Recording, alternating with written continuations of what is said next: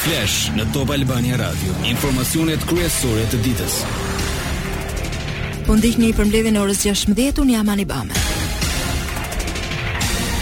Nafta do të shitet me 4 lek më pak, 216 lek litri nga 220, ndërsa benzina me 200 lek për litër nga 199 që është deri në këto çaste.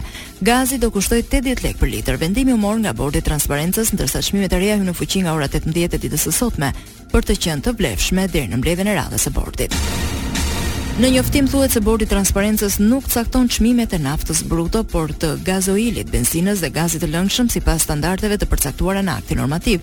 Aty theksohet se i përmbahen me përpikmëri lëvizjes së bursës Platts të Mesdheut dhe nënvizohet se jo çdo lëvizje e bursës së naftës bruto reflektohet në të njëjtën kohë dhe në të njëjtën masë në atë të gazoilit dhe benzinës.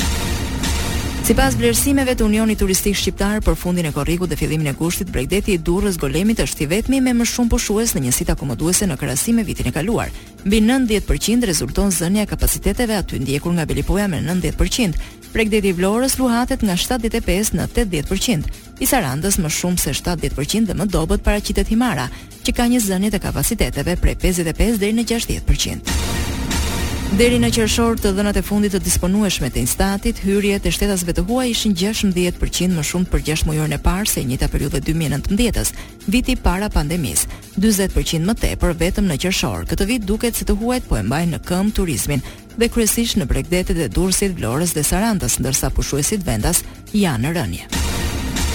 Duke përfituar nga lehtësimi apo heqja e kufizimeve në udhëtime të lidhura me pandeminë e koronavirusit, gjithnjë e më shumë shqiptarë zgjedhin të pushojnë jashtë. Listën e destinacioneve kryesojnë Turqia, Greqia, Italia, si dhe Spanja e Portugalia, Ikja e të rinjve nuk është pa ndikim, sidomos për plazhet e jugut, mes të preferuarve të kësaj grupmoshe shoqëruar me një jetë nate më të dobët këtë sezon. Çmimet e larta dhe perceptimi se nuk justifikojnë cilësinë e ofruar po sjellin braktisje në jug, por në përgjithësi rritja e çmimeve përbën problem. Në korrik inflacioni arriti në 7.5%, niveli më i lartë në 20 vjet. ndërsa shtrenjtimi i ushqimeve dhe karburanteve dhanë ndikimin kryesor. 24 orët e fundit në vend janë raportuar 34 vatra zjarri, por vetëm 9 mbeten aktive. Është fjala për ato në Malësi të Madhe, Vaun e Dejës, Mat, Klos, Kurbin, Lezhë dhe Poliçan. Për betejën me flakët janë angazhuar dhe forcat e armatosura dhe vullnetarë krahas atyre zjarrfikëse të shërbimit përkatës. Lajmet në internet në adresën www.topalbaniaradio.com. Aksidentet vazhdojnë të marrin jetë njerëzish në rrugët shqiptare. Policia njoftoi për një të tillë në aksin Vorë Tiranë me pasojë vdekjen e një 41 vjeçari.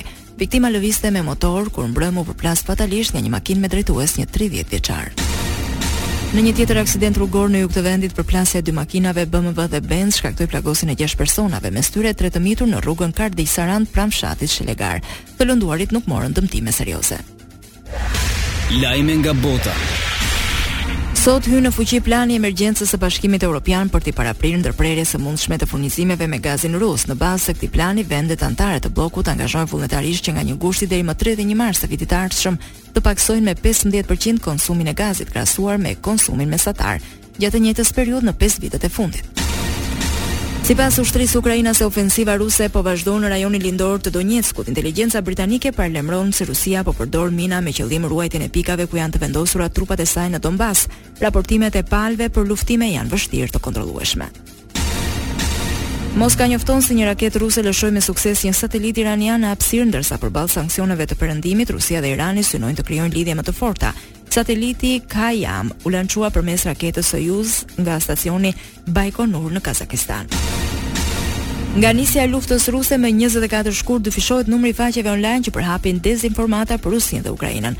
Kështu thuhet në raportin e grupit me seli në New York, NewsGuard, Sipas dokumentit, ekspertët identifikuan dyqind e pesëdhjetë faqe interneti me materiale fake për këto dy shtete në krahasim me njëqind e gjashtëmbëdhjetë që ishin në muajin mars. Republika Islamike hedh poshtë pretendimet se sateliti iranian mund të përdoret nga Moska për të rritur kapacitetet e inteligjencës për Ukrainën. Javën e kaluar, e përditshmja Washington Post raportoi se zyrtarët amerikanë janë të shqetësuar për bashkëpunimin hapësinor mes Rusisë dhe Iranit. Sipas tyre, sateliti do t'i ofrojë Iranit kapacitete të pashembullta dhe për të vëzhguar shënjestrat ushtarake në Izrael apo Lindje të Mesme. Ish-presidenti amerikan Donald Trump bëri të ditur se agjentë të Byrosë Federale të Hetimeve i bastisën shtëpinë në Mar-a-Lago të Floridas. Kontrollet lidhen me disa hetime mbi dokumentet zyrtare. Zhvillimet shënohen teksa Trump përgatitet për garën e tretë presidenciale në zgjedhjet e vitit 2024. Trump tha se janë kohë të errëta për kombin. Më tej vuri në dukje se ka bashkëpunuar me të gjitha agjencitë federale ndaj bastisjes të paparalajmëruara, të cilat i quajti të panevojshme dhe të papërshtatshme. Një sulm i tillë mund të ndodhte vetëm në shtetet e botës së tretë, fatkeqësisht Amerika është bërë një prej këtyre vendeve. E korruptuar në nivele që nuk i kemi parë, u shpreh Donald Trump. Eric Trump, djali i ish-presidentit, i tha televizionit Fox News se kërkimet e FBI-së ishin të lidhura me arkivat shtetërore. Në muajin shkurt, kjo agjenci qeveritare që menaxhon ruajtjen e dokumenteve presidenciale amerikane i kërkoi sistemit të drejtësisë të hetojë Trumpin për mënyrën se si i ka administruar dokumentat zyrtare. Arkivat kombëtare njoftuan se siguruan 15 kuti nga shtëpia e Trumpit, disa me dokumente të klasifikuara. Ibrahim al-Nabulsi, drejtues i brigadave të dëshmorëve al-Aqsa, u vra në një operacion izraelit në Bregun e Pushtuar Perëndimor. Al-Nabulsi dhe dy persona gjetën vdekjen gjatë bastisjeve në një shtëpi në qytetin Nablus. Kryqi i Kuq palestinez njoftoi se 40 vetë mbetën të plagosur. Sport. Partizani mbetet pa trajner të kuqtë njoftuan ndërprerjen e bashkëpunimit me Dritan Mehmetin pas një takimi që tekniku pati me drejtuesit e lartë të klubit të futbollit. Nuk jepen shumë detaje për arsyen e largimit të Mehmetit, por kuptohet që gjithçka vjen pas dështimit të Partizanit për të kaluar qoftë një raund në Conference League. Largimit të Mehmetit duket se vulën ia vuri humbja e fundit 3-0 me Bylisin që edhe pse thjesht një miqësore, Ishte shumë domethënëse për klimën aspak premtuese në klubin e kuq. Mbetet për t'u parë se cila do jetë zgjedhja e presidentit Demi më pak se dy javë nga fillimi i kampionatit. Këtu kemi përfunduar mirudëgjofshim në edicionin e orës 17. Kjo është Top Albania Radio.